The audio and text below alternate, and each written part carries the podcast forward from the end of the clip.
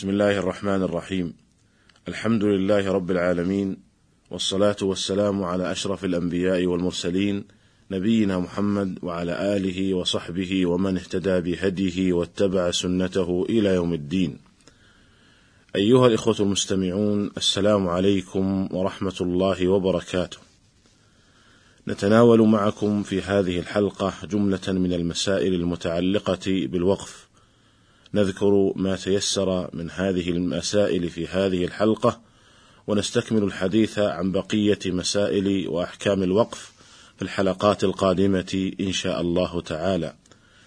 ونبتدئ من التعريف فنقول الوقف معناه في اللغة الحبس عن التصرف. يقال وقف الشيء إذا حبسه. قال أبو السعادات بن الأثير في النهاية: يقال وقفت الشيء أقفه وقفا ولا يقال فيه أوقفت إلا على لغة الرديئة انتهى كلامه رحمه الله. وبمعنى الوقف الحبس والتسبيل يقال وقف الشيء وحبسه وأحبسه وسبله كلها بمعنى واحد. ومعناه في الاصطلاح تحبيس الأصل وتسبيل المنفعة. والمراد بالأصل ما يمكن الانتفاع به مع بقاء عينه كالعقارات والبساتين ونحو ذلك. والمراد بالمنفعة الغلة الناتجة عن ذلك الأصل كالثمرة والأجرة ونحوها. ومن أمثلة الأوقاف بناء المساجد فإنه من أعظم ما يكون من الأوقاف. يقول النبي صلى الله عليه وسلم من بنى لله مسجدا بنى الله له به بيتا في الجنة. ومن ذلك أيضا أن يوقف عقارا ويجعل ريعه للفقراء والمساكين أو لتفطير الصائمين أو لسقي الحجاج ونحو ذلك من أعمال البر. ومن ذلك أيضا وضع برادات الماء على الشوارع والطرق العامة. وطباعة الكتب النافعة المفيدة ونحو ذلك من مجالات الخير والإحسان وهي كثيرة ومتنوعة ولله الحمد. ولكن ما كانت حاجة الناس إليه أشد ونفعه أعظم كان أفضل وأكثر ثوابا عند الله عز وجل. والأصل في الوقف ما جاء في الصحيحين عن ابن عمر رضي الله عنهما قال: أصاب عمر أرضا بخيبر فأتى النبي صلى الله عليه وسلم يستأمره فيها. فقال يا رسول الله إني أصبت أرضا بخيبر لم أصب قط مالا أنفس عندي منه فما تأمرني فيه؟ فقال النبي صلى الله عليه وسلم إن شئت حبست أصلها وتصدقت بها غير أنه لا يباع أصلها ولا يوهب ولا يورث. فتصدق بها عمر في الفقراء وذوي القربى والرقاب وفي سبيل الله وابن السبيل والضيف. ولا جناح على من وليها أن يأكل منها أو يطعم صديقا بالمعروف غير متمول فيه أي غير متخذ منها مالا أي ملكا. والمراد أنه لا يتملك منها شيئا بعد أن وقفها. وجاء في رواية عند البخاري أن هذه الأرض التي أصابها عمر يقال لها ثمغ وكانت نخلا. وجاء في رواية في غير الصحيحين أن عمر أوصى بها إلى حفصة أم المؤمنين ثم إلى الأكابر من آل عمر.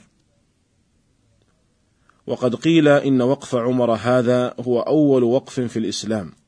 فقد أخرج الإمام أحمد في مسنده عن عبد الله بن عمر رضي الله عنهما قال: أول صدقة أي موقوفة كانت في الإسلام صدقة عمر. وقيل إن أول صدقة موقوفة كانت في الإسلام هي أراضي مخيريق التي وقفها النبي صلى الله عليه وسلم فالله تعالى أعلم.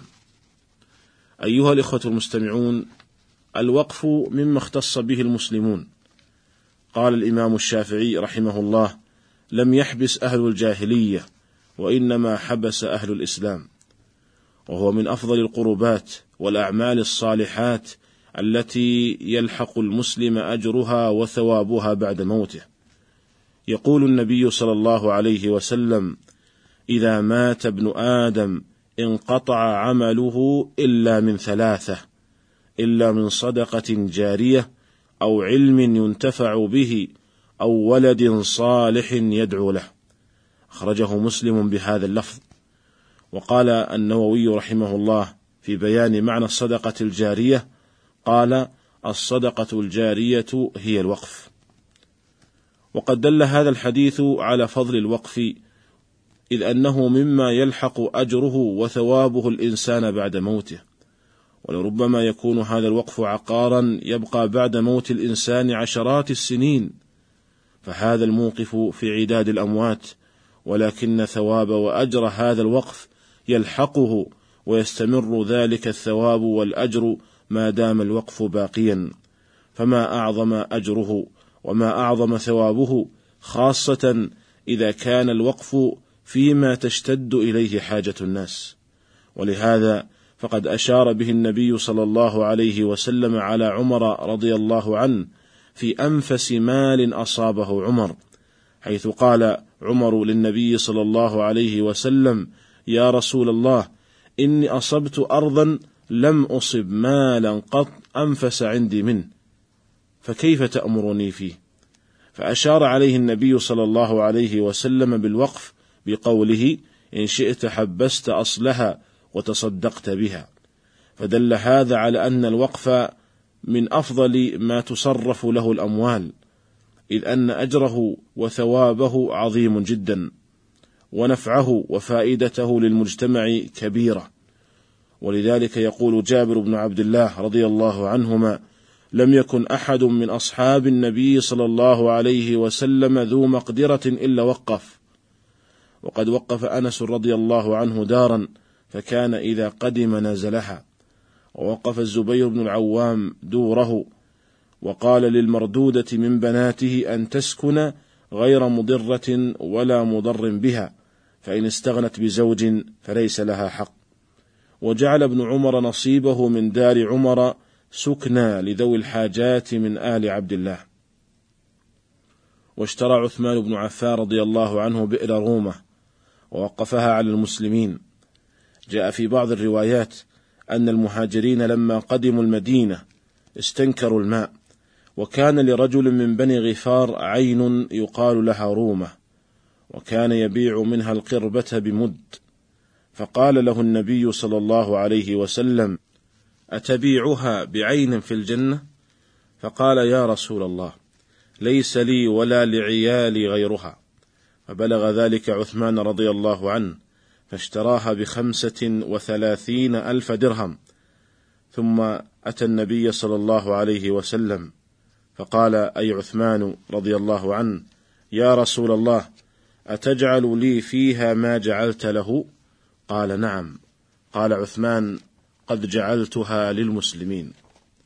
كذا ورد في هذه الرواية كما ذكر ذلك الحافظ ابن حجر رحمه الله في الفتح. ولكن الذي في صحيح البخاري عن عثمان رضي الله عنه أن رسول الله صلى الله عليه وسلم قال من حفر رومه فله الجنة فحفرتها قال ابن بطال رحمه الله هذا وهم من بعض رواته والمعروف أن عثمان اشتراها لا أنه حفرها وقال الحافظ ابن حجر رحمه الله لعل العين كانت تجري إلى بئر فوسعها عثمان وطواها فنسب حفرها إليه. أيها الإخوة المستمعون، ينبغي لمن كان ذو مقدرة مالية على الوقف أن يبادر إليه، وأن يقتدي بأصحاب النبي صلى الله عليه وسلم في ذلك، فإنهم كما قال جابر رضي الله عنه: لم يكن أحد منهم ذو مقدرة إلا وقف. وإن من الناس من يملك الأموال الكثيرة لكنه لا يوفق للانتفاع منها في حياته ولا بعد مماته بل هو في الحقيقة كالحارس القوي لهذه الأموال يحرسها حراسة شديدة للورثة من بعده. بل ربما تكون هذه الحراسة الشديدة لهذه الأموال بدون مقابل فما إن يموت إلا ويتهافت عليها الورثة ويتقاسمونها فيما بينهم ولا يخرجون منها عن مورثهم شيئا فلهم غنمها وعليه حسابها. فيبقى صاحب هذه الأموال محروما من الانتفاع بها محروما من الانتفاع بها في حياته.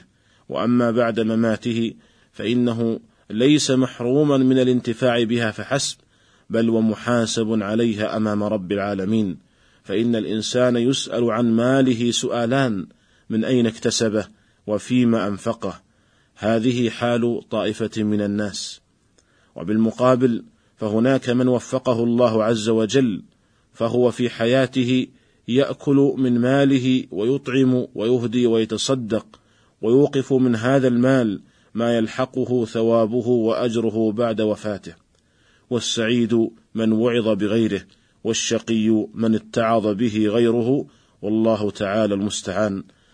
ونستكمل الحديث عن بقية مسائل وأحكام الوقف في الحلقة القادمة إن شاء الله تعالى. والسلام عليكم ورحمة الله وبركاته.